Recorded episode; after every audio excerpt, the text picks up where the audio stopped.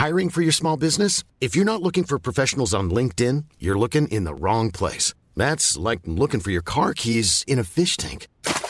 LinkedIn helps you hire professionals you can't find anywhere else, even those who aren't actively searching for a new job but might be open to the perfect role. In a given month, over 70% of LinkedIn users don't even visit other leading job sites. So start looking in the right place. With LinkedIn, you can hire professionals like a professional. Post your free job on linkedin.com slash people today.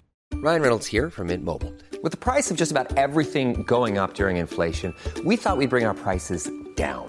So to help us, we brought in a reverse auctioneer, which is apparently a thing.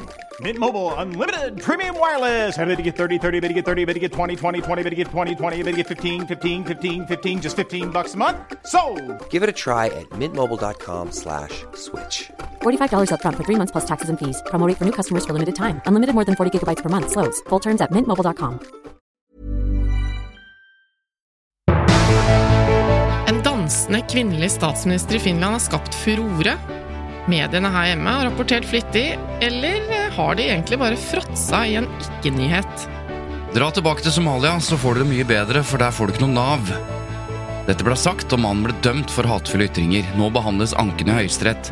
Men hvilke konsekvenser vil det få dersom den dommen blir stående? Det lurer vi på denne uka, og Lederen for Ytringsfrihetskommisjonen kommer hit for å snakke med oss. Ja, for hun kan jo svare på dette her, helt garantert. Det skulle vi tro. Ja. Ja. Men altså, Eva, det har vært en øh, Vi har jo vært i Arendal. øh, nå er vi ferdig med det. Nå ja. er det mer enn Holdt på å si gudskjelov. Og for de som ikke vet hva Arendal er, vi var ikke der bare på ferie, men det var da altså Arendalsuka, som er en slags festival for alle som liker å diskutere politikk og næringsliv og organisasjon, og der møtes en hel gjeng, da. Der ble altså rapporten til Ytringsfrihetskommisjonen presentert for offentligheten og overlevert til eh, kulturministeren, så derfor så har vi fått eh, lederen da inn i dag. Det gleder vi oss veldig til. Men vi har jo veldig lyst til å snakke om denne dansevideoen, selv om alle har snakket seg varme om den. Men vi skal jo snakke om medienes dekning av den. Altså Akkurat når jeg trodde vi var sånn ferdig med Trond Giskes eh, dansevideo, så kommer det en ny. Ja, litt annerledes, vil jeg si. Ja. Eh, og og, og både én og to og flere, og dette har jo blitt en Hva er annerledes, Svein Tore? Nei, nå tenkte jeg bare at man lenger. eh, det var veldig vanskelig å vite hva som skjedde på den der Trond Giske-dansevideoen. Det var jo noe av poenget. Hva Ja. var det egentlig som skjedde? Litt det samme her. Hva er det egentlig som skjer der? Eh, men hvordan har mediene dekket dette? Fordi noen i Finland bestemte seg for å offentliggjøre den. Ja. Eh, og spørsmålet jeg, jeg lurer litt på, eller jeg mener en del om det Når det skjer i Finland, om man bare skal rapportere skandalen, eller den såkalte skandalen som er på vei til å utvikle seg, hvilke presseetiske vurderinger gjør norske medier da? Så, Ja, men vi, Det, men vi jo, eh, det blir en debatt om debatten fort. ja. Ja. Men først eh, en liten runde rundt bordet. Ja, Eller ja. Eh, jeg husker ikke noe fra Medie-Norge. Jeg har bare vært i Arendalsuka og drevet dank. Så derfor så har jeg lyst til å komme med en anbefaling Ja. som er eh, fra de indirekte mediene. Nei, jeg bare tuller nå. Men uh, har du sett uh, Den mest forhatte mannen på internett? Som er en dokumentarserie på Netflix?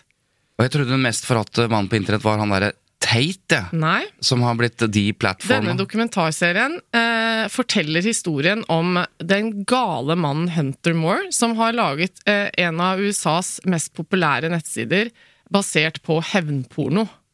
Og det jeg syns er så interessant, jeg skal bare anbefale denne, fordi vi kommer til en diskusjon som er relevant for dette. De viser hvordan eh, denne mannen kan lage eh, en nettside med, med porno og nakeninnhold eh, av damer Mm. som ingen lov i USA kan hindre ham å gjøre. Fordi eh, han bare får dette tilsendt, sier han, fra folk, og publiserer det og gjør ingenting galt. Men det som var interessant, syns jeg, med denne dokumentarserien, det er at det, frem til det blir eh, oppdaget at han faktisk har gjort noe ulovlig, skal ikke jeg avsløre alt, så driver mediene og hauser dette opp. Fordi de gjør nettopp det som de ofte gjør. De bare snakker om fenomenet. Men gjennom å gjøre det hele tiden, på talkshow, så inviterer han som gjest og prøver å stille et par småkritiske spørsmål, så driver det egentlig en promotering av denne siden, som går fra å være en liten greie eh, i et hjørne av internett til å bli svært i hele USA. På grunn av at mediene bare snakker om det som skjer. Og det syns jeg var veldig interessant med denne saken. Dette er helt ukjent for meg. Ja. Jeg gleder meg. Ja, Tar- det, Nettsiden hans eh, het isanyoneUp.com, Ja. Og det var rett og slett eh, navngitte damer som eh, ble eksponert mot sin vilje eh, nakne. Godt tips. Ja. Ehm, jeg har lyst til å nevne noe vi allerede har publisert på vår Facebook-side. Eh, vi eh, Eller vi ville vise fram det vi opplever som en ganske sånn godt eksempel på ulike frontstrategier på medienes front, altså nettsidene. For der var det sånn Vi skal snakke mer om hun finske statsministeren, men hun tok en narkotest. Og der eh, Og hun fikk svar på den narkotesten. Og da var det halvparten, kan vi si, eller i hvert fall Dagbladet, TV 2, Nettavisen skrev at narkotesten var klar, eller har fått svar. Uten å si hva som var svaret da, på fronten. Mens Aftenposten og VG sa narkotesten er negativ. Og Det var dette, noe, var noen uenigheter der om hva VG gjorde aller først, før de endra på noe, men det har jeg ikke helt oversikt over. ja, det var bare at de hadde, de hadde i overskriften i saken, Mm. eh, så sa de at eh, testen hadde kommet, og så sto det hva testen var. Men på front Ja, på den nyhetsvarselsaken, Nettopp. som er en enklere mm. Men på front så valgte de å fortelle at det- testen var negativ. Og dette kan høres ut som en bagatell, og det er for så vidt en bagatell. Og vi er tilbake igjen til diskusjonen ja, er det presseetisk forsvarlig. Eh, Kristin Clemet skrev noe om at dette her er liksom etisk grenseland, og beveger Dagbladet er igjen i ferd med å bevege seg ut og sånn. Eh, det er jo ikke noe presseetisk brudd, men det er en veldig veldig tydelig eksempel på vil du at folk skal få nyheten, eller vil du at folk skal klikke for å få nyheten? Det er jo det det egentlig handler om. For nyheten, selv om Frode Hansen i Dagbladet forsøkte å forklare at det er jo en nyhet at, at hun har fått svar, det er en større nyhet hva det svaret er. Så nyheten er at testen er negativ. Og så velger noen å putte det på fronten, andre vil at du skal klikke deg inn. Ja. Og det, um... Det er, vi kan jo gå tilbake til det når vi snakker mer om saken, eh, for så vidt. Men det, det som jeg syns er interessant med det, er jo at uh, det, det går, altså, vi som kjenner detaljene i de ulike frontstrategiene, får jo med oss en forskjell her mellom Dagbladet og noen av de andre, og VG og noen av de andre. Men jeg tror veldig mange, altså folk flest, de ser disse tingene og tenker bare medias clickbait. pressen, ass. Og derfor så syns jeg det er veldig rart at ikke flere i mediene eh, går ut og reagerer eh, på sine konkurrenters strategier, eh, all den tid det indirekte rammer dem også, eller omdømmet til hele pressen. da. Ja, men det er jo det jeg vil si som ja. Kristin Clemet, nå må medielederne delta mer aktivt i debatten om sin egen jobb. Men premisset ditt er jo ikke mediene enig i. De mener jo ikke at den type frontstrategier, at de får deg til å klikke og ikke vil fortelle på front, at det går utover troverdigheten. Dagbladet eksempel eh, mener at, eh, at de som kritiserer Dagbladet for dette, er nærmest sånn maniske i sin eh, kritikk av Dagbladet, så de avfeier det på en måte. Mm. I hvert fall den delen av det. Og så viser de til tallene sine at dette er en forretningsmessig riktig vei å gå. De, de tjener mer penger, de får flere klikk, og det kan man jo ikke protestere på. Så premisset om at dette er at folk ikke vil ha det, eller at dette er problematisk for omdømmet osv., det er jo et premiss de ikke er enig i. Men det er jo interessant, da, mot... Men det svaret, etter min mening, Ja. eh, sier jo egentlig ikke så veldig mye eh, om hvorvidt folk vil ha det eller ikke. Det at de faktisk klikker seg inn for å få svaret på et spørsmål som fronten eh, Nei, nei, det er jeg enig kaster ut, det betyr jo ikke at eh, de som klikker seg inn for å finne svaret, syns det var en god måte å bli eksponert for denne informasjonen på. Så det syns jeg er en litt sånn litt snarvei i svaret fra Dagbladet, da. Ja da, og, og, og vi vet jo ikke hvordan dette er. Vi bare hører fra noen at selvfølgelig er dette en riktig forretningsstrategi. Vi må jo få folk til å klikke. Og det høres logisk ut. Spørsmålet er om det er en langsiktig strategi. Og eh, den andre tabloiden, VG, har jo da altså bevisst valgt en litt annen strategi, så begge må jo tro på forretningsmodellen sin, og kanskje begge deler funker. Men så kom det en kommentar.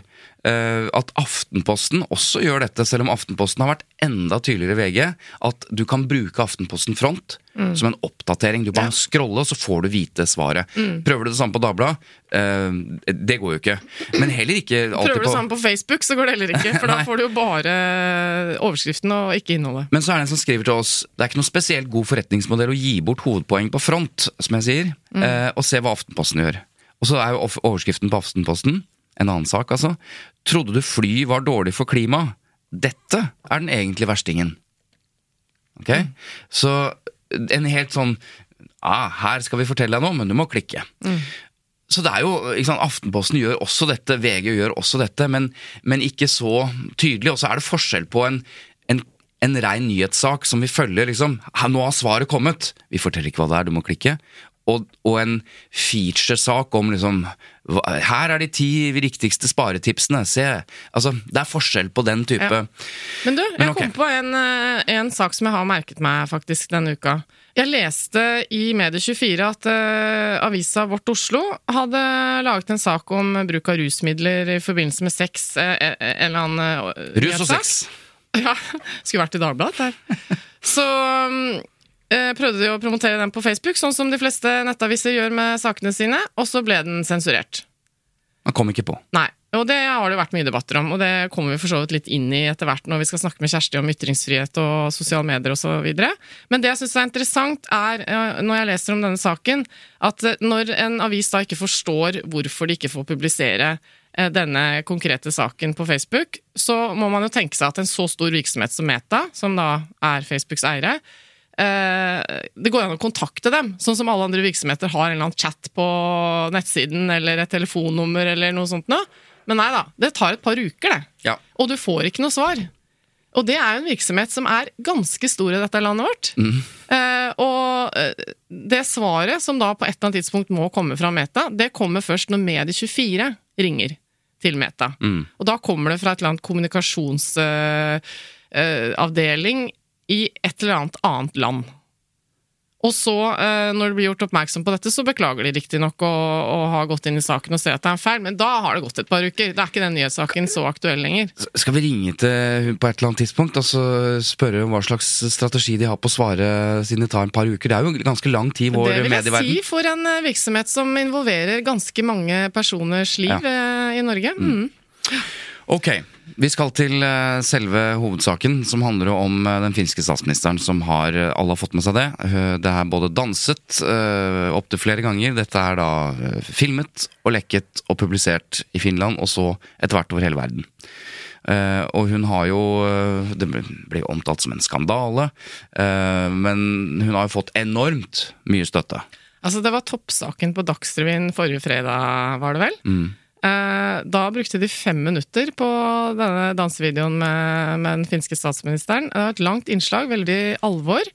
Eh, og de viste dette klippet et par ganger. Det var ikke noe tøys og tull om, eh, om reaksjonen og sånn. Det var liksom Vil dette eh, ramme eh, Altså felle den finske statsministeren, var eh, på en måte eh, stemningen i denne reportasjen.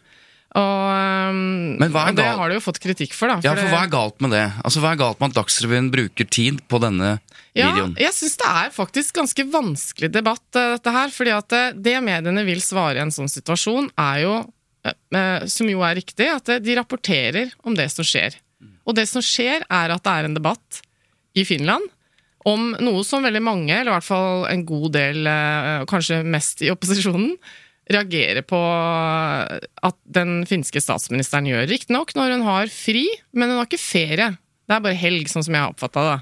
Og, og da blir det sånn Stille spørsmål om hun er i stand til å gjøre jobben sin dersom det skulle ja.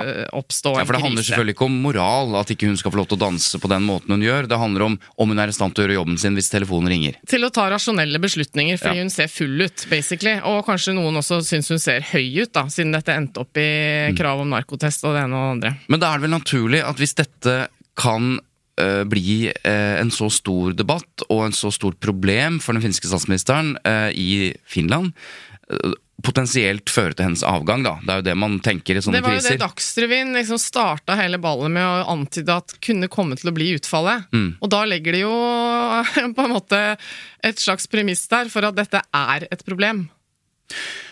Men jeg tenker sånn, dette kommer til å skje eh, mange ganger fremover. Det er en sak som skjer et annet sted.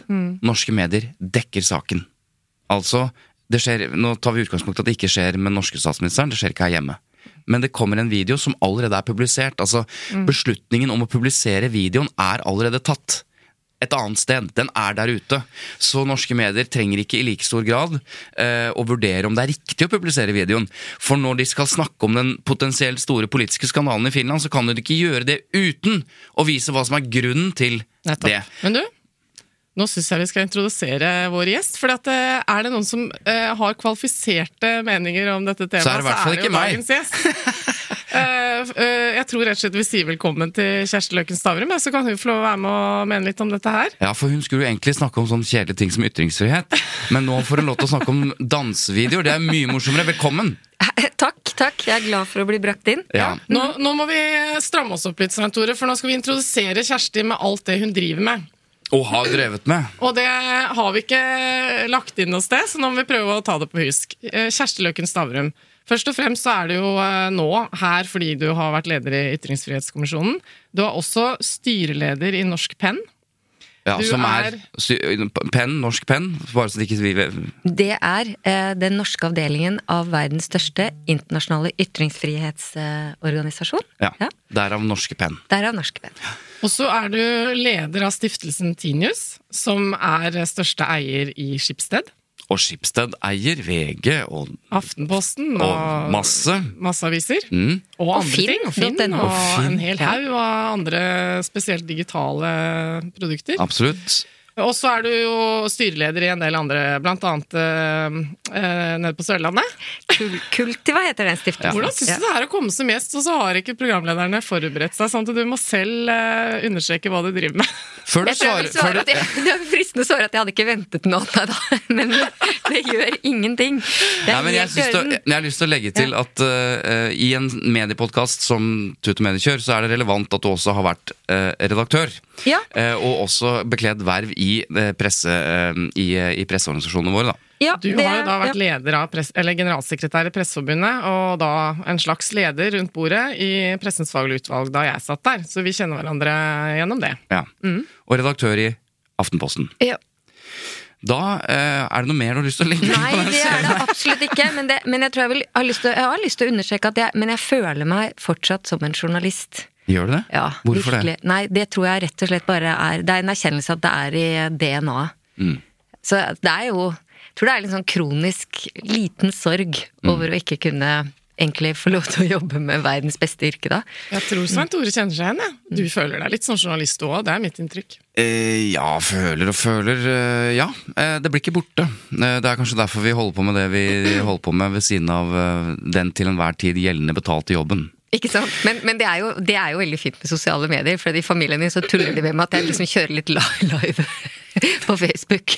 Ja, og når Altså du ta det verste. Og når du sier familie, relevant også i denne sammenheng, å si at du også er eh, gift med Gunnar Stavrum, som er ansvarlig redaktør i Nettavisen. Så en del eh, artig eh, pressepillow-talk regner jeg med det er i deres familie. Men uh, som jeg har sagt til Kjersti Ja. før, jeg syns også det er uh, kult å observere at uh, dere er jo da et par som tar en del diskusjoner i offentligheten når dere er uenige. Så dere er jo ofte offentlig uenige. Eller ofte, men i hvert fall i Det den skjer. grad folk kritiserer at medielederne ikke har eh, åpen debatt, så vil jeg si at det, der, der fortjener ikke dere så mye kritikk. Hvordan Nei. håndterer dere det? Nei, altså det Jeg syns det er interessant. Jeg har vel noen, eh, noen anledninger registrert at, at man tar for, liksom for gitt at man skulle være enig fordi man er gift. Det er en tanke som aldri har slått meg. Em, og vi kunne sikkert, eller det kunne vi jo, tatt mye mer uenighet ut, men jeg vet ikke hvor interessant det er. Men, men eh, jeg syns bare det er så rart at man, at man antar at vi er enige, for det kan jeg bekrefte at vi ikke er. Bare et lite mal apropos. eh, Jeg traff eh, tilfeldigvis eh, Synnøve Gylver i går. Synnøve Gylver er prest, for de som ikke kjenner henne. For hvis jeg skal sette et bilde på det, så er det presten med rastahår. Og, og med en T-skjorte som det ofte står prest på. Apropos uh, pillow talk. Altså, hun hadde en fantastisk mann uh, som var ateist.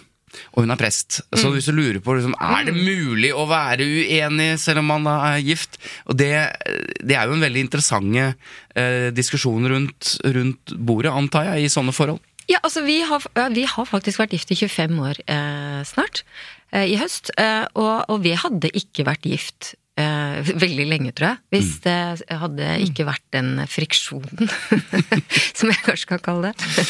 Og så har det jo vært eh, litt imponerende å se at eh, da dere skulle overlevere denne rapporten fra Ytringsfrihetskommisjonen på mandag i forrige uke, så var det jo ingen som hadde fått sett den på forhånd. Altså, den hadde du holdt, eh, eller dere, eh, tett i brystet. Jeg møtte Gunnar Stavrum eh, i, i Arendal, og han sa at jeg har ikke sett eller hørt noen ting om dette. Altså, Kjersti har vært helt pottetett. Nei, og, ja, og det er jo så, ja, Det mener jeg er en selvfølge. Ja. Men, men det koker jo ned til sånn praktisk komikk som at vi er på hytta i forkant, og da har jeg jo fått denne rapporten, for den kom fra trykkeriet på fredag. Mm. Så jeg hadde den i sekken min, men jeg turte jo ikke å ta den opp. Nei. Og jeg hadde jo tenkt til å på en måte preppe meg litt, da, men jeg tenkte jeg får bare la det være. Men, men det mener jeg også er litt sånn av respekt for han, da. Fordi at det er jo veldig vanskelig for han som redaktør å skulle vite noe som han ikke kan fortelle, som selvfølgelig er av allmenn interesse. Hvis du kan ta sånn eh, til sammenligning, da, så klarte Subjekt aner ikke hvordan de klarte det. Det gjør vi virkelig ikke. De, de fikk tak i bildet av forsiden og publiserer det som en sånn avsløring rett oppunder lanseringen. Subjekt, altså Kulturavisa. Kulturavisa Subjekt og Choida. Da. Um, eh, og det er klart at den trangen skal man jo ha. Ellers så er man jo ikke noen god redaktør. Så, så det var best for oss begge. Men jeg bare lurer på, når du hadde sekken og ikke turte å ta den opp, tenker du da at hvis, han, hvis Gunnar hadde visst at den var i sekken, og dere ikke la dere, at det kunne være en fare for at han liksom sto opp om natta og tyvleste? Nei, den, den tanken har faktisk ikke slått meg, da. Men, men han visste ikke at den var med på tur. Det Nei, gjorde han ikke. nettopp. Nei, det var ikke sånn. du- du Det var ikke sånn, nei, nei, nei, gjett hva Nei. Men, men, men, eh, men poenget mitt altså, er jo rett og slett at det ville være også litt sånn Det ville vært dårlig gjort mot han. Ja. Ja. Vi inviterte deg inn i samtalen litt før eh, vi hadde tenkt, fordi vi syns det er interessant med din bakgrunn eh, når vi går rett inn i diskusjonen om om norske medier dekker denne finske dansevideo eh, gåsetegn-skandalen. Um, og jeg, hvis jeg skal gi deg litt motstand Eva, på det at du, du, du snakket liksom Dagsrevyen som lager dette en stor sak, og fem minutter og osv. Og, så, og så tenker jeg, men det er en potensiell finsk politisk skandale, og da er det vel riktig at det dekkes av Dagsrevyen. Men likevel har det fått kritikk. Hvordan ser dette ut fra liksom ditt ståsted? Jeg kan velge et, jeg kan ta et helt, en helt annen innfallsvinkel, da, og det er at eh, jeg tror vi må bli mer vant til at eh, alt kan kritiseres. Altså alt kan kritiseres, og så må vi bare sortere er det kritikkverdig. Altså, og det, og det, er, det mener jeg er to forskjellige ting. Eh, og, og det er klart at, eh, at det at hun gjør det, det mener jeg kan kritiseres. Eh, jeg syns det er litt overraskende at hun ikke forstår at at, eller at hun ikke har større bevissthet rundt at hennes privatliv kan bli eksponert. Hun er tross alt den personen hun er, i en situasjon som er helt ekstrem for tiden for Finland. Så sånn sett så, så, så, så syns jeg det er rart. Men så er jo spørsmålet derfra at den siste meteren, og derfor, eh, sånn som det kom nå melding på morgenen, derfor ryker kanskje eh, framtiden hennes og valget. Og det Da faller jeg av. Eh, så, så vi må det men, men hvis vi kan lære noe av det, så tenker jeg det er det der at ja, det, alt, kan, det, alt kan man liksom Nei, du, ikke sant? det er alltid noe du kan finne. Men så er det, er det substansielt, og det syns jeg faktisk ikke det er. For at hun er et menneske, og hun må få lov til å danse og utagere, om ikke med rusmidler, da. Det synes jo det er en interessant tanke å se for seg at eh, akkurat denne saken skjedde, men det var med en annen statsminister som ikke var ung, pen og hadde sykt bra dansemoves. Altså, hvis det var en, eh, liksom, en mer voksen, eh, erfaren kvinne da, i alles øyne, en Erna Solberg eller en eh, Angela Merkel, som hadde en, en morsom fest, og dansa litt sånn hjelpeløst som politikere ofte gjør, i en eller annen sammenheng, så lurer jeg på om det hadde vært det samme. Og det er jo det som gjør dette her litt sånn ubehagelig. Kjersti? Nå har det jo vært publisert en dansevideo i Norge tidligere. eh, bare for å minne om det, eh, på Bar Vulkan. Så vi har jo en historie for dansevideoer i Norge. Jo, og så har vi men de morsomme variantene Det hadde jo et annet bakteppe, da. Ja, Det handlet jo om metoo, og ikke om hvorvidt du er i stand til å ta kvalifiserte beslutninger. Og så nevner du en dansevideo som vi også er publisert. Vi har sett vanvittig dårlige dansemoves av norske politikere, men det er jo ikke noe, altså det, har noe det er en helt annen setting. Det er ikke privat. det er, Og så skal vi Vi må si det, at dette er en saus av moral, Ja. moralisme, eh, politikk. Eh, og hvor kom det fra? Nå håper jeg journalistikken begynner å dreie seg om hva, hvem er det som egentlig delte denne videoen? Hvem er det som har sørget for at den har fått spinn? Hvem er det som først antydet at det var nark? Nå begynner det eh, å liksom Russiske trolldebatten, Ja, det er i hvert fall verdt å se på. Men poenget er at dette er en saus, ikke sant? Ja. Eh, Et menneske som er liksom eh, Hans Petter Sjøli i VG kalte henne liksom en slags vår tids Audrey Hepburn. ikke sant? Hun er vakker og pen osv. Mm. Du må ha med alt det i den ligningen. Og, så, og der er vi tilbake igjen til bevisstheten som jeg tror norske medier må ha. De må også ha bevissthet rundt hvorfor dette blir en så stor sak. Hvorfor det ikke hadde blitt en like, stor sak med Jonas Gahr Støre på en fest med Raymond Johansen. De tingene må på en måte dekomponeres før du bruker fem minutter på Dagsrevyen eller fronten der, og det bare publiseres, og redaktørene forsvarer seg med at jo, jo, men vi må jo publisere videoen, for det er jo politisk skandale osv. Ja, men hvordan startet det? Og hvorfor er det akkurat ikke sant? Hvorfor, hvor, det er Jeg vet ikke hvordan jeg skal forklare det, men la meg prøve en gang til. Grunnen til at, at hun har fått så mye støtte, som har, har, fått overslag Vi har til og med publisert på vår arbeidsplass at jeg danser liksom til støtte for Sanna. Alle gjør det. Det er jo fordi de angriper moralismen bak det. At ikke hun skal få lov til å være et menneske og sånn og sånn. og sånn. Fine.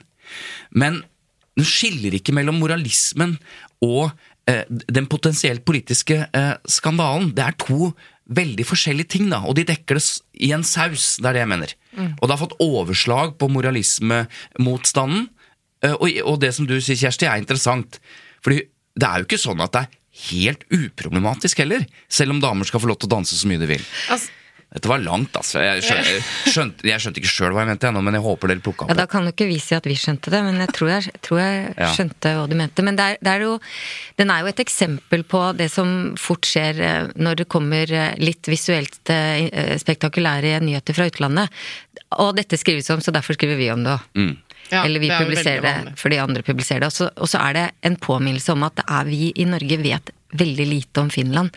Det formidles veldig lite nyheter om Finland. Vi er, ikke, noe, vi er ikke lommekjent i den finske politikken eller kulturen. og det det skyldes selvfølgelig mye språket, men, men det er veldig uheldig at eh, vi har et så nært land som vi vet så lite om. Ja. Men uh, snakker om hva som er kritikkverdig, da. Jeg er jo litt enig med det du var inne på, at eh, det som kanskje er mest eh, overraskende her, er jo det som vitner om litt dårlig dømmekraft, syns jeg. Som jeg også følte at var veldig sentralt i dansevideosaken med Giske. At eh, det skjedde jo egentlig ikke noe kritikkverdig i den dansevideoen fra Bar Ulkan. Men jeg syns det vitnet om dårlig dømmekraft i situasjonen han var i. Bare det at han befant seg i situasjonen og lot seg filme. Og her så tenker jeg bare at det, all, veldig mange er enig i at eh, hun må da få lov å være på fest og ha det gøy, og kult at hun kan danse og ha morsomme venner og tar seg en fest. Men man blir jo litt sånn overrasket over at hun har gått med på å sitte og holde på sånn foran et mobilkamera, for det vet jo alle hvor fort sånne ting kan komme på avveie. Ja, men igjen, hvis det er hennes nærmeste venner og privat Nei, fest, det- tar du høyde altså, for det klokka to om natta? Liksom? bare for å si det sånn, Jeg har vært i en situasjon hvor alt jeg har gjort, har vært i fare for å bli Ja, eksponert. Og jeg kan love deg at uh, hun har den med tusengangeren. Og den tanken kommer ganske raskt når du er uh, liksom, i medienes søkelys. da. Men hvis vi lurer på hva redaktørene mener, for jo, jeg syns jo dette er et viktig poeng. Jeg er enig i at eh, det er et element av liksom, vurderingsevne, og man kan kritisere det. Eller som du sier, er det kritikkverdig? Man kan alltids kritisere. Um, men tilbake igjen til liksom, mediene. Og, eh, for de fikk jo et spørsmål fra, tror du, fra Medie24 om de ville gjort dette dersom det var Støre. Ja. Eh, Det var en i- veldig morsom eh, øvelse de gjorde der. Mm. i, la oss si Støre hadde vært eh, Så ut som han var både glad og full, og, og, og hadde helt spektakulære moves på en privat fest. Og da sier jo redaktørene, f.eks. Gard og VG, sier at det, det kan være legitime grunner for å publisere en sånn video. F.eks. For eksempel ville festvideo vært relevant om det var filmet under pandemien, sier han. Det kan også være andre situasjoner som tilsier eh, men at, det var, at nyhetskriteriene var oppfylt. da. Og så sier Karanne Solbrekke i TV 2 eh, skal en statsminister uansett alder og kjønn få danse upåaktet hen med venner i en privat festlig lag? Svaret på det mener jeg i utgangspunktet er ja. Hvis vi hadde publisert den, måtte det være andre elementer som tilsier offentlig interesse. Og så fortsetter svarene, og det handler litt om at det vi kan lese ut av svarene, er at de ikke kanskje hadde publisert den hvis dette hadde vært i Norge. Eh, men de publiserer jo denne.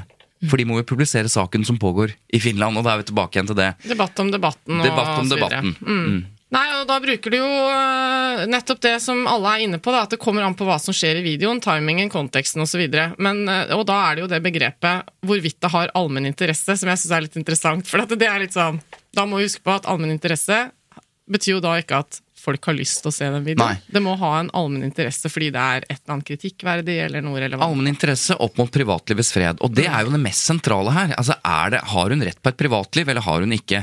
Og når man skal prøve å finne ut om det var kritikkverdig, om det har allmennhetens interesse, så, så, så var alt det som har med moral og moralisme og damer som danser og lettkledd eller hva det måtte være, det, det kan ikke brukes som allmenn interesse. For det er folk, hva folk mener, liksom. Men det de kan bruke, er nettopp det vi startet med.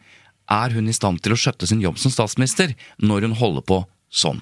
Det er det det koker ned til, ikke sant? Og så har jo kommentatoren i Nordlys, Maja Saitaric, tror jeg hun heter, eh, vært på Dagsnytt 18 og skrevet en kommentar i Nettavisen osv., hvor hun sier eh, Syns det var litt morsomt eh, poeng, da. Marin kunne hatt hodet nedi en dynge med kokain mens hun fyrte opp en sjal rullet med hemmelighetstemplede statsdokumenter. Først da hadde hun kanskje nådd en Boris Johnson eller en Donald Trump. Og det er jo litt tankevekkende, det òg, for tenk hvor mye Trump, for eksempel, og Boris Johnson, da holder på med.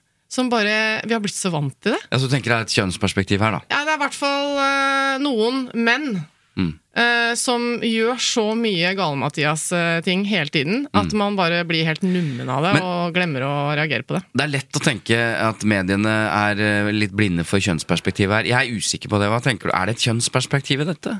Ehm, ja, jeg tror, ehm, jeg tror, nok eh, ikke at eh, mediene skal slå seg til ro med at de er like, mentalt likestilte. I, altså, det er det ikke. Mm. Um, og jeg tror det er helt greit å ha det som et utgangspunkt også, være litt taktsom. Så Jeg tenker at ja. Eh, moralismedebatten har et kjønnsperspektiv. Altså hvorvidt en kvinne altså Hadde du hatt en mann som hadde noe dårlig mus og hadde vært annerledes i folks liksom, opinionens liksom, syn på dette, kanskje.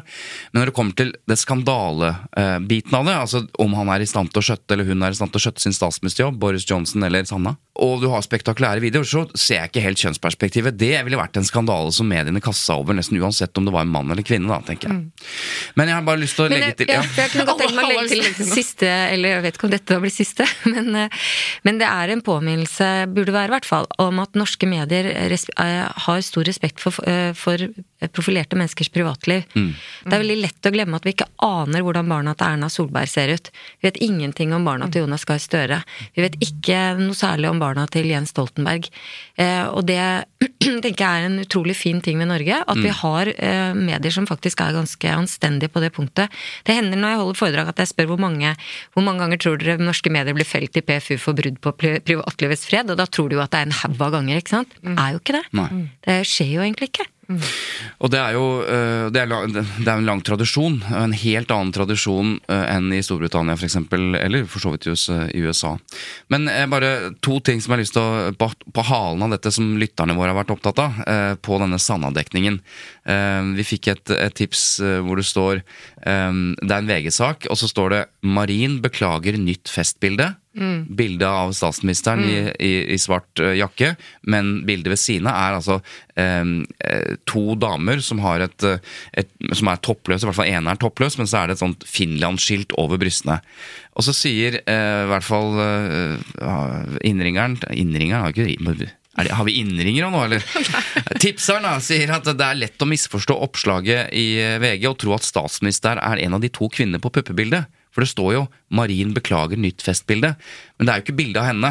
Ehm, det er jo kvinnene som, som, er eh, involvert på bildet, de var jo bare på denne festen, da. Og det er jo også en diskusjon rundt liksom, er det Spekulerer man da i et eller annet? Ja. Jeg har også bare lyst til å si et par ting før vi avslutter den saken. her. Det ene er jo at eh, det jeg syns er mest trist, er at eh, det endte med at den finske statsministeren måtte ta en narkotest. Eh, og jeg syns det var en uh, sånn overraskende ting at hun gikk med på det. Men det bidro kanskje til å legge saken død raskere, da. Istedenfor å stå på prinsippene om at det burde ikke jeg behøve å ta. Da hadde det nok kanskje blitt en større sak. Og det andre er, med tanke på mediene og medienes dekning, håper det kommer, men jeg er litt overraska over at ikke det er liksom, gått litt videre i den der uh, spekulasjonen om hvorvidt Russland og Putin og mm. nettroll og sånn har bidratt til, å, til dette for den å destabilisere Finland og, og, Europa. Men jeg må gi en smekk til VG her også. Eh, fordi at det, Og dette er en trend. Altså, hør, hør på dette her. Hva er dette lyden av? Hør nå. Ja myös minä kaipaa joskus näiden synkkien pilvien keskellä iloa, valoa ja hauskuutta. Det var ikke så lett å forstå, men, men hørte dere hva dette var? Ja, Hun holdt jo en pressekonferanse, så vidt jeg husker, om noe litt ja, men du hører, Veit hva det er lyden av? Ifølge VG. At den finske statsministeren knekker sammen. Altså, dette er altså, medienes eh, de, altså, Mediene elsker gråt og sammenbrudd. Men du har også et bild, en video av denne statsministeren på fronten, og så står det 'knakk sammen'. Så ser jeg på den videoen. Hun knekker jo ikke sammen. Nei. Hun gjør det motsatte av å knekke sammen. Hun har gråten i halsen, men hun står der. Hun er sterk. Ikke sant? Du ser at hun er rørt, eller beveget, eller preget. Men hun knekker jo ikke sammen! Nei. Altså, det, er, jeg, altså, det der eh, og det gjelder du kan, Enhver gråtevideo. Sammenbrudd, knekker sammen, faller Det står til og med i teksten 'brast i gråt'. Det er jo ikke å briste i gråt hvis du har gråten i halsen. Det er det motsatte. Enten så knekker du sammen, eller så holder du det gående. Jeg tror i hvert fall vi kan konstatere at det er et slags kjønnsperspektiv på engasjementet for denne videoen. Ja, men akkurat dette bordet. dette jeg, jeg, jeg bare, For dette er typisk sånn som ikke er presseetisk brudd. Kommer aldri i PFU. Men kan dere ikke bare slutte å si at noen knekker sammen hvis de har gråten i hersen? Ok. Vi må videre. Grunnen til at du er her, Kjersti Løken Stavrum, det er jo fordi eh, det pågår nå ikke bare skal eh, kulturministeren og regjeringen og alle mulige høringsinstanser nå lese denne NOU-en som dere har levert. Altså, kommisjonen har levert ytringsfrihetsrapport. Det er en norsk offentlig utredning, NOU. Ikke bare skjer det, men nå pågår det ting i Høyesterett, vår høyeste domstol, som faller rett inn under dette arbeidet dere har, har gjort. Det er altså en, eh, en norsk mann som har lagd en video på et eller annet tidspunkt hvor det er um, mulig å høre noe sånt som at dra tilbake til Somalia, så får du det mye bedre, for der får du ikke noe Nav. Og det er jo da postet i en eller annen eh, mot en eh, ung somalisk kvinne, eller jente, på, på 16 år. Eh, og dette har, førte til en rettssak. Han ble frikjent i tingretten. Han ble dømt i lagmannsretten for disse, altså for hatefulle ytringer, etter paragraf 185. Og nå er den i Høyesterett, og du var i Høyesterett. Kan ikke du fortelle hvorfor denne setningen som jeg nå leste, og hele saken er liksom midt i kjernen av denne, det arbeidet dere har gjort med? Jo, jeg gikk jo til Høyesterett fordi at jeg så at den saken interesserte meg. Det, den ble beskrevet som eh, at Høyesterett skulle vurdere en nedre grense for paragraf 185, som er den såkalte hatytringsparagrafen. Den skal avverge, den er samfunnets reaksjon mot forsøk på å spre hat i samfunnet mo- øh, mot, øh, mot enkeltpersoner på bakgrunn av deres religion, funksjonsnedsettelser, øh, seksuell orientering. Noen sånne punkter som er punktet opp. Og det er veldig viktig å ha med seg, for det er altså samfunnet som reagerer. Det vil si at hvis, hvis noen føler seg utsatt for en hatytring, så er det samfunnet som tar ansvaret for dette. Du, skal, du er egentlig ikke en part i denne saken, for det er samfunnet som skal rydde opp i det. For vi vil ikke, vi vil ikke at det skal ja, aksentuere seg et hat mot grupper på bakgrunn av religion og Derfor har vi den paragrafen Derfor i- så har vi den paragrafen. Men eh, Og jeg gikk da dit fordi jeg hadde, er jo opptatt av fagfeltet, for å si det sånn. Og, det, og dessuten så gikk jeg dit fordi det er ikke så veldig lenge siden følte jeg at jeg også var i Høyesterett hvor det var beskrevet som nedre grense. For, eh, og da er det jo litt sånn alarm hos meg, i hvert fall. Driver vi og senker lista stadig. Ja, For, for hva hva- som er For hva som er straffbart Ja. å ytre. Mm. men eh, eh, det treffer også kommisjonens arbeid, fordi at vi er jo i vår rapport ikke bare på dette området, men i rapporten opptatt av det du kan kalle klasseperspektivet, eller ressursperspektivet. Jeg tror det er veldig nyttig å ha med seg i Hva mange betyr av de det?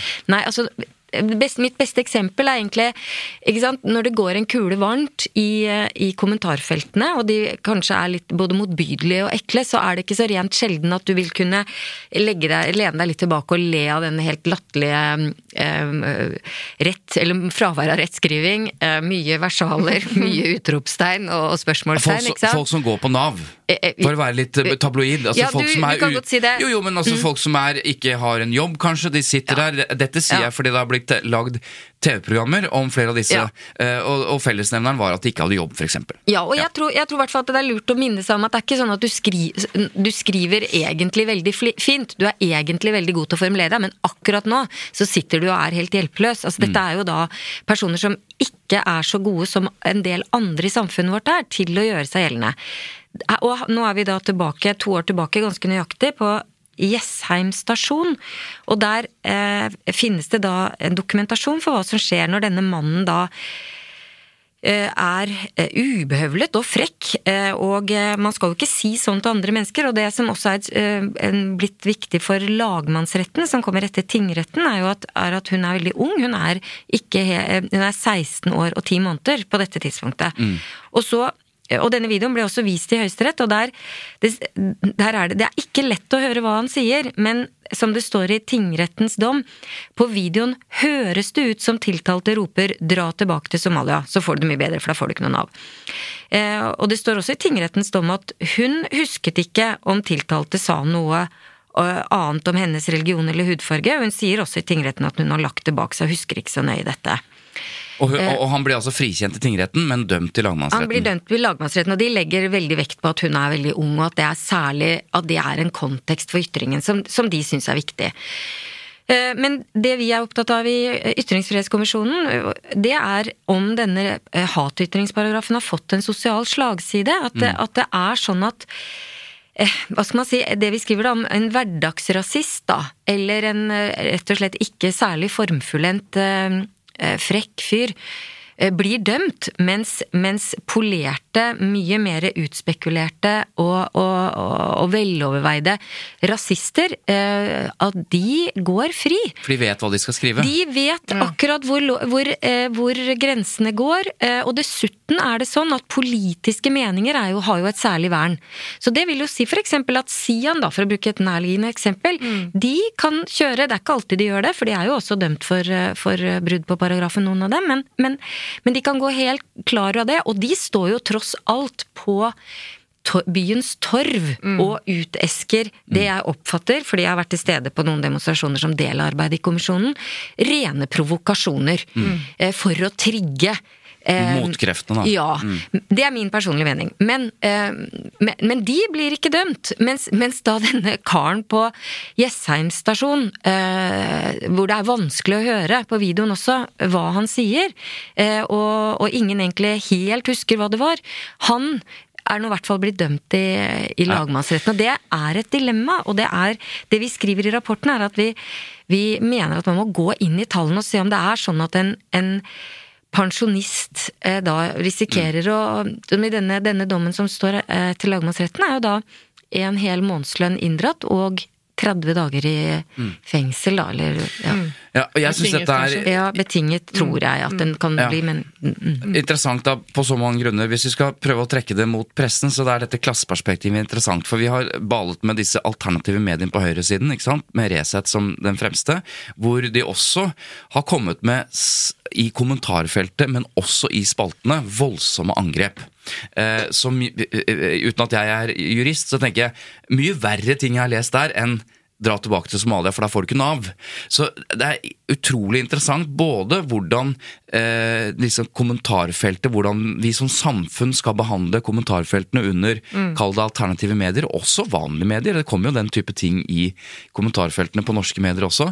Men ikke minst så er jeg mest interessert i at journalister og medier dekker dette. Altså, Du sitter i Høyesterett og er bekymret for at den nedre terskelen, grensen for hva man kan si før man blir straffet for det i Norge, er i ferd med å senkes. Jeg skulle gjerne se den diskusjonen i norske medier også, litt mer. For det handler jo om ytringsfrihet. Det handler jo om disse hensynene mot hverandre. Vern av uh, ubehagelige ytringer. Uh, og hva skal vi si, hensyn til den enkelte. Og ikke minst debatten rundt hensynet til hva de skal kunne tørre å møte dette med, da. ikke sant? At er det, Skal det være ubehagelig? Eller hvor ubehagelig er det egentlig å ta del i debatten, da? Det som i hvert fall er hovedkonklusjonen i vår eh, rapport, er jo at det står faktisk veldig bra til med ytringsfriheten i Norge. Relativt, altså sammenlignet med egentlig alle andre land. Og absolutt så gjør det det. Mm. og, vi, og vi påpeker at flere mer straff og flere lover er ikke løsningen på det som vi anser som er reelle problemer, som du også trekker opp nå, ikke sant. At det, det, er, jo ikke, det er jo ikke problemfritt, eh, det er det, det virkelig ikke. Så du må jo ha mange tanker i hodet når du diskuterer ytringsfrihet, men, men hovedsakelig så er Norge faktisk et veldig bra land.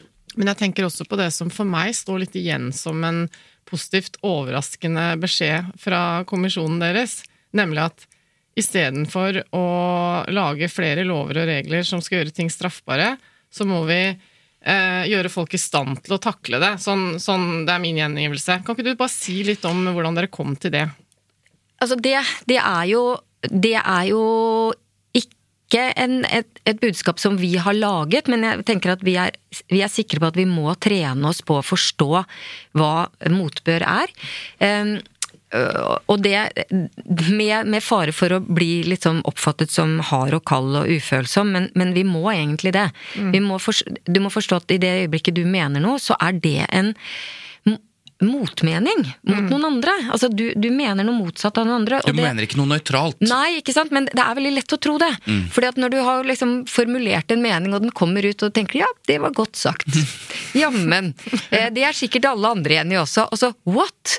Alle er ikke det. Mm. Eh, og, jeg, og, jeg har sett ved selvsyn, eh, og det var ganske interessant, det var en kvinne som hadde skrevet et leserinnlegg i avisen, og så fikk hun motargumenter, og så husker jeg hun ba om hjelp i kommentarfeltet 'nå kommer trollene'. Ja. Tenkte jeg seriøst, det er det faktisk ikke. Det er bare folk som helt saklig mener noe annet, kanskje litt usaklig mener noe annet. Mm. Men troll Mm. Da syns jeg vi går for langt. Og jeg er også veldig skeptisk til det å kalle folk for troll. Mm. Du kan være trollete, ja.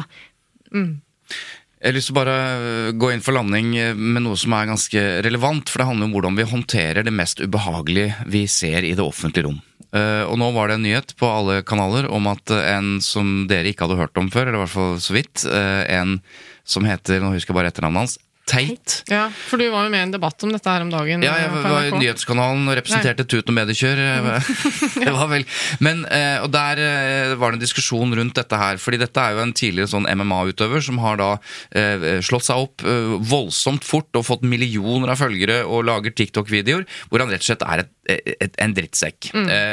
Og han mener ting som er helt i periferien av hva som antageligvis er lovlig også. ikke sant? Veldig kvinnefiendtlig også. Ekstremt kvinnefiendtlig. At hvis du blir voldtatt, så har du sikkert et ansvar sjøl, f.eks. Og, og har en sånn uh, Kvinner en er manns eiendom. Ja. Ja. Mm. Og veldig mye av det er jo langt, men er langt innenfor ytringsfriheten. Å mene det at en kvinne er en manns eiendom, det er jo ikke hatefulle ytringer, så vidt jeg kan forstå. Men det er jo veldig, veldig i, i strid med de aller fleste, bortsett mm. fra noen religiøse mm. sekter. Men, men, poenget er i hvert fall at han er nå fjernet. På samme måte som Donald Trump ble fjernet fra Twitter, så er han nå fjernet fra alle Metas plattformer, og fra TikTok. Mm. Eh, og de forklarer dette ganske sånn eh, Vi forstår jo hvorfor han er fjernet, fordi de har noen regler som sier at, han, at man ikke skal oppfordre til vold, eller i hvert fall angripe grupper og sånn. Så det, det, det, det, grenser jo til vår egen eh, både straffelov eh, på hatefulle ytringer, og også presseetikken. Mm. Så det høres jo fornuftig ut at han nå er borte, for han er jo ja. veldig, veldig ubehagelig. Ja, det er en veldig interessant eh, sak, det her. Men ja. det er noen utfordringer ved bare å fjerne folk på den måten også, i et ytringsfrihetsperspektiv, da. Ja, det er det jo alltid. Og det, um, det som er ugreit med, med, de store sosiale plattformene, er jo at vi aner jo ikke hvilke kriterier de legger til grunn. Om det er en sånn dagens uh, ryggmargsrefleks uh, som gjør at de da fjerner uh, fjerner denne karen, og, eller at det er det at de føler at de eh, blir mer populære da, eller altså du, du, aner jo ikke, det bare skjer plutselig. Men de viser til et regelverk. Ja, ja og det er røft det jeg tok opp innledningsvis, fordi noen ganger så fjerner de jo kontoer og personer, og andre ganger fjerner de bare en sak. Og da vet vi heller ikke helt hvorfor, ikke sant, når Nei. folk prøver å publisere Og dette skal jo mm. bli bedre med, med det regelverket som kommer via EU øh, og tilflytter oss om ikke så altfor lenge, som heter Digital Services Act, som, som for første gang tar tak i denne lite tilfredsstillende situasjonen mm med de store sosiale plattformene. At de, mm. de, skal, forklare, de skal, gi en begrunnelse for hvorfor. Mm. Nå, nå, tror jo jeg at det er Det er veldig mye bra i det jeg sa, eh, men, men jeg er bare usikker. Jeg ble spent på hvordan de kommer til å etterleve det, rett og slett. For det er klart at da får de mye å gjøre. Veldig mye å gjøre. Men, Ja. men jeg tenker det som var interessant, og som jeg forsøkte å få fram i den diskusjonen, for der var det både en YouTuber og det var en elev i videregående skole, og klart hvordan disse eh, vanvittige meningene eh, kan få grobunn hos unge menn eh, på skolen der min sønn går, det er ubehagelig å tenke på, og det er flere som har begynt å adoptere hans måte å snakke til jenter på, kvinner på, ikke sant? Over hele verden. Så, så det er åpenbart skadelig. Men når dette blir da en offentlig debatt, for det har jo ikke vært en offentlig debatt før han nå blir fjernet, så er det jo lærere som setter seg ned med elevene. Det er foreldre som setter seg ned med barna sine, og, det, og dette skjer over hele verden. At man får en debatt for å prøve å forklare hva, hvorfor er dette galt. ikke sant? Og du får en, en god Du kan i hvert fall få Ja. en ganske god offentlig diskusjon hvor barn engasjerer seg i dette her. Hvorfor er det galt at man sier det? Eh, Ja. Og, det og det er vel en, er ikke det hele poenget med den offentlige debatten? da? Det er jo eh, et veldig godt argument, men eh, jeg føler at det er litt akademisk, hvis du skjønner. Det du sier nå, er litt sånn ja, for alle som har eh, den kapasiteten rundt seg, foreldre som setter seg ned og diskuterer disse tingene, de som er heldige med en lærer som plukker opp. Så selvfølgelig, ja, i teorien er jo dette veldig bra, det skaper en debatt som kan lære barna noe. Men så er det jo på den andre siden litt fare for at det er veldig mange unge som blir eksponert for dette uten å bli eksponert for eh, korrigeringene. Men det, men det gjør det jo så lenge dette ikke foregår i den offentlige debatten. Altså, Ja. jeg, jeg vet at min sønn har kikka på han i månedsvis uten at jeg har øh, forstått noe som helst. Men i det øyeblikket det bli, at jeg vet hvem Tate er, så kan jeg snakke med han om det. Ja da. Så, øh, Du er ganske oppegående, da. Det er ikke alle som er like oppegående som Nei, men Det trenger ikke være mer enn oppgående at, at, at du har barn som sier 'har du sett det helt crazy greiene her?' Ja. Og så er debatten rundt Ja bordet i gang. Du trenger ikke være professor for å, for å fasilitere den debatten. Mm. Selv om jeg skjønner hva du mener. Det er ikke eh, det, Denne debatten foregår jo oftere i, i hjem der man har en eh, opp, er trent på dialog, da, for Ja. si sånn. Men jeg har lyst til å si en ting og høre hva du tenker, eh, Kjersti. For at jeg har eh, merket meg en ting. Det har vært mye snakk om det der. Mediene har eh, i lang tid eh, jobbet for å prøve å få Meta eh, og andre av de store internasjonale plattformene til å ta et slags redaktøransvar. Og så har jeg plukket opp at eh, jeg vet ikke om det står noe om det i rapporten deres, eller om det er bare noe du har sagt et sted, men i hvert fall så fikk det meg til å tenke at det, men det kan jo kanskje være litt problematisk, det. fordi eh, hvis vi pusher dem til å ta mer redaksjonelle avgjørelser eh, for hva som skal være lov å publisere på f.eks. Facebook, så gir vi dem jo eh, en veldig viktig makt. Som vi jo allerede har gitt redaktørene i de redigerte mediene. da. Men, eh, og det er jo litt farlig, det også. Jeg kjenner at eh, det argumentet gjorde at jeg ble litt usikker eh, i, i min sak sak så nå der. vil ikke at du skal ta ansvaret i det hele tatt? Nei, men jeg vil bare høre hva er Det er jo her. det vi kaller reguleringsparadokset, og det er klart at det er, det er jo helt reelt. Og hvis du tar utgangspunkt i meta, da, så, så, og, og det som pressen kaller kildekritikk, så, så kan du utøve kildekritikk ved, ved å se på hva er det de har gjort tidligere. Det er den eneste måten du kan vurdere en kildes kvalitet, egentlig. Eh, og Facebook har jo en veldig dårlig record, eller Meta da har en dårlig record, for, mener jeg, de har aldri tatt ansvar for noe som helst. Og så plutselig syns de det er kjempefint å bli regulert. Da må vi stoppe opp og tenke oss litt om. Hvorfor det? Fordi at det er de tjent med. Eh, mens det vil ikke gjøre det så bra for de andre. Og da kan vi jo ta GDPR, for eksempel. Som, altså data, datatjenesteregulativet. Som, som jo er eh, et eksempel på at det var, det var fint for de store. Og alle små kava rundt og brukte masse ressurser og mm. Ikke sant? Ja. Så, så eh, absolutt viktig å, å, å tenke etter om vi Fordi at Sosiale plattformer er noe annet enn de redigerte mediene. Eh, Ikke sant? For det første fordi de ikke produserer noe innhold selv overhodet. De bare er et eh, plattform, og det har de jo ønsket å være. Men, men, men hvordan kan vi få de til å agere på sine premisser, sånn at vi sikrer at ytringsfriheten er så god som mulig, men at vi avverger desinformasjon og eh, rasisme, hatefulle ytringer, Ja. som åpenbart er straffbare. Men det er jo litt sånn som logikken i det som jeg snakket om innledningsvis med han Hunter Morse som lagde den store nettsiden om hevnporno, da. Hans argument eh, i flere år før eh, nye ting skjedde i saken, var jo også at han produserte ingenting selv. Han la bare ut ting som folk sendte til ham.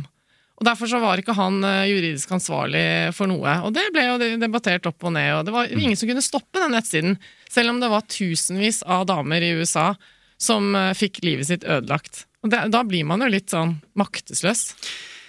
Før vi går inn for eh, landing, eh, vi skal ha et lyttespørsmål som jeg gjerne vil at dere skal delta på. Så det er en ting du har lagt merke til som har lyst til å si, Kjersti. Jeg hadde egentlig lyst til å si en liten ting, siden liksom, Ytringsfrihetskommisjonens rapport er motivet bak denne podkasten, og, eh, og den da har vært eh, ute i markedet en halvannen ukes tid. Ja. Det, og jeg tipper at ingen har lest den, egentlig. De færreste kommer til å lese den. Den har vært mye omtalt. Ikke se så strengt på meg, Kjersti. nei, jeg gjorde ikke det. Jeg bare Jeg det med blikket. noen kapitler. Jeg mener det er helt naturlig at de Og og det er nettopp det. det. Det er jo et viktig dokument, egentlig, og så er det egentlig sånn at de færreste kommer til å lese den. Heller ikke journalister. Mm. Eh, Kan jeg, få komme, kan jeg få skyte inn et kommunikasjonsråd kommunikasjonsråd til kommisjonen? Ja. Eh, Kanskje dere skal tilgjengeliggjøre innholdet litt i form av eh, liksom enkle overskrifter i videoformat, eh, som oppsummerer rapporten? Vi, kan, vi, vi, har, vi har egentlig noen Vi leker litt med noen ideer. Men det er klart vi kunne jo spilt inn noen evig lange podkaster. Men jeg har bare lyst, den har jo da, som jeg nevnte, vært veldig Vært mye kommentert, og det har vært, ikke sant? Det har vært Ja, ja. og sånn i de store arbeid. mediene. Absolutt. Eh, hvor, hvor kommentatorene har tatt utgangspunkt i det de har lest, og så finner, finner de noe som er bra, og noe som kunne vært bedre. Som er helt rimelig. Men jeg falt så veldig for en eh, kommentar i Fosna-folket. Ja. Som jo er en eh, lokalavis for Ørland, Indre Fosen, Åfjord og Osen. Ja, men dette er fint. Og der er det rett og slett journalist Jakob Ellingsen. Han har skrevet en kommentar med tittelen 'Alle bør bla litt' i den nye rapporten om ytringsfrihet. Ja. Så skriver han rett og slett om hva vi skriver om. Sånn at alle de som leser Fosna-folket, de får et innblikk i hva vi faktisk skriver om. Er det ingen andre som har gjort denne jobben som han i den, Fosen har gjort? den er liksom så besnærende. Kan jeg bare få rekke opp hånda? Det er noen andre. Hva er det vi drev med forrige uke?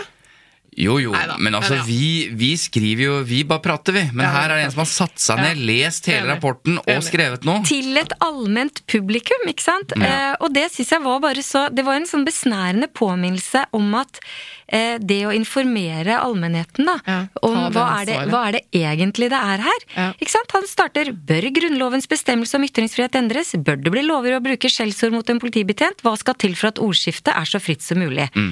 Sånn begynner den. Det er tankevekkende at, Ja, det du, at du opplever at det var litt unntaket, og at eh, mye av den andre dekningen egentlig bare handler om altså det er litt At rapporten har kommet, og her er overskriftene. Ja. Ja, ikke sant? Så skal jeg bare tar, Ja. Unnskyld meg, men Ja. jeg er jo veldig opptatt av dette. Så avslutter han med alle bør åpne rapporten, som dere finner på regjeringens nettsider, og i det minste lese innholdsfortegnelsen og sammendraget for barn. Mange vil nok bli pirret til å lese langt mer. Veldig bra. Um, Lokaljournalistikk, altså. Ja, da- Lokalpressen Yes. i Norge. De gjør eh, jobben sin. ja, og der har vi brukt hele sommeren på å, å bare snakke om det kuriose, artige greiene i lokalavisen. Dette er også en del av det. Veldig bra. Her er et enkelt lyttespørsmål fra Jesper. Jeg har blitt interessert i journalistikk og medier gjennom deres podkast Tut og Medkjør, Men da har jeg også blitt eh, introdusert for en del eh, begreper og titler. Kan dere hjelpe meg? Hva er forskjellen? For her kommer det. Vaktsjef, redaksjonssjef, redaktør, reportasjeleder, ansvarlig redaktør, journalist, reporter and keeps on going. Altså, det, det er så mange begrep. Hvem er det som bestemmer? Ja. eh, vi Jeg gjør, er enig. Det er et problem, det der. Og det er så mange som er redaktører også.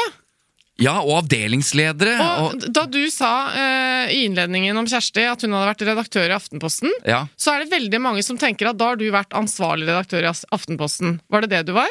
Eh, Nei, det var jeg absolutt Nei, ikke. Men jeg, jeg tenkte ikke over det, egentlig. Nei. Nei, Jeg men det har jeg lagt merke til, at eh, folk forstår jo ikke nødvendigvis de der gradene av det. Samme syns jeg det er med konsernsjef. Da. Er, nei, um, forskjellige sjefstitler i Jo, næringslivet. og, og når man blander dette, fordi mediene er jo både kommersiell og redaksjonell, så det betyr at hvis du har en enledermodell, så er jo vedkommende som er sjef, er jo både ansvarlig redaktør og administrerende direktør i en og ja, da, stilling. det er greit, men Men bare la oss gjøre det veldig enkelt. Eh, hvis du er ansvarlig redaktør, så er da er du du på toppen. Da er du på toppen. Men så har du Også kalt sjefredaktør. også kalt sjefredaktør.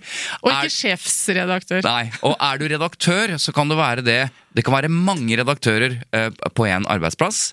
Og når det gjelder reportasjeleder, vaktsjef osv., redaksjonssjef, så er det funksjoner som du har i ulike redaksjoner. At du leder et reportasjeteam, eller at du er vaktsjef på kvelden. Så kommer det en ny vaktsjef på morgen Mm. som tar de øverste redaksjonelle beslutningene der og da. Ja. Så la oss bare På, på, på TV, eh, når det handler om eh, etermediene, så er jo det de personene som står på bakrommet og styrer greiene. Ja, De som, de som er som- ansvarlig for denne sendingen, Ja. er vaktsjef Ja. Mm. osv. I hvert fall, Det var et forsøk på å rydde opp uh, litt. Grann. Tut og mediekjør. eh, veldig flink, jeg, Svein Tore. Tusen takk. Du hører jeg snakker veldig fort mot slutten, for jeg skjønner at vi, har, vi, har, vi må skynde oss å avslutte. Ja. Vi har holdt på så lenge. Ja. Ansvarlig redaktør for denne podkasten aner vi ikke hvem er. Nei. Men uh, Hvis det er noen som har lyst til å bli det, så kan du kan bare søke.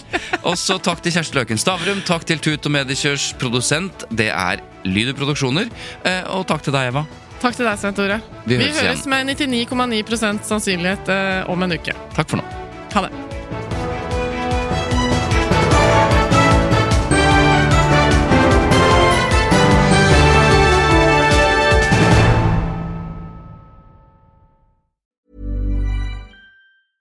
Want flexibility? Take yoga. Want flexibility with your health insurance? Check out United Healthcare Insurance Plans. Underwritten by Golden Rule Insurance Company, they offer flexible, budget friendly medical, dental, and vision coverage that may be right for you. More at uh1.com. This Mother's Day, treat mom to healthy, glowing skin with Osea's limited edition skincare sets. Osea has been making clean, seaweed infused products for nearly 30 years. Their advanced eye care duo brightens and firms skin around your eyes, while the Golden Glow Body Trio nourishes and smooths skin all over. Go to OSEAMalibu.com and use code MOM for 10% off your first order site wide.